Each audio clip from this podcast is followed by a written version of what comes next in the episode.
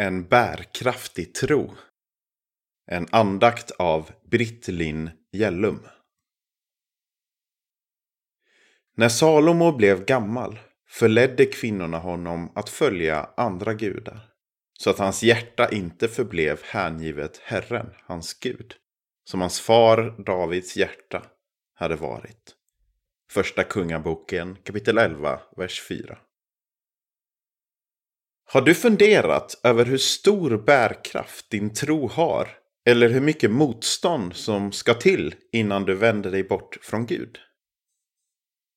Salomos relationer till alla kvinnor, flera hundra hustrur och bihustrur, påverkade hans relation med Gud så negativt att han började följa andra gudar istället. Det är förståeligt att vi påverkas av vår omgivning. Men måste det gå så långt? En definition av bärkraft är förmågan att bära last utan att brott uppstår. Tror du på Gud även om allt i livet inte är perfekt? Även om du drabbas av hjärtesorg, fattigdom eller sjukdom? Stannar du kvar i kyrkan även om din bästa vän lämnar? Vågar du prata med människor som argumenterar emot Gud? En bärkraftig tro är en tro som inte går sönder när lasten i livet blir tung. För att få en mer bärkraftig tro kan du tillsammans med Gud fundera över några frågor. För det första, hur är din gudsbild? Ser du Gud som någon dömande och arg som inte vill dig allt gott? Tror du att Gud tycker att du inte ber tillräckligt? Är tillräckligt snäll eller tillräckligt tålmodig? Då är det inte konstigt om du till sist inte orkar att ha den relationen mer. I Bibeln kan du hitta den befriande sanningen om vem Gud är och vilka tankar han har om dig.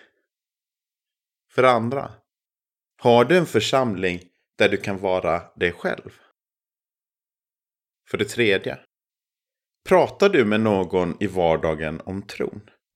Som vänner, familj, bönegrupp, en präst eller någon annan som också är kristen?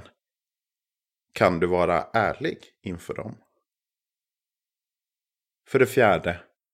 Tar du tid med Gud oavsett om livet är svårt eller enkelt? Lägg märke till att frågorna inte handlar om prestationer utan relationer. Salomos relationer ledde honom bort från Gud. Du behöver nära gemenskap med dina kristna syskon. Inte bara för att det är kul eller känns bra.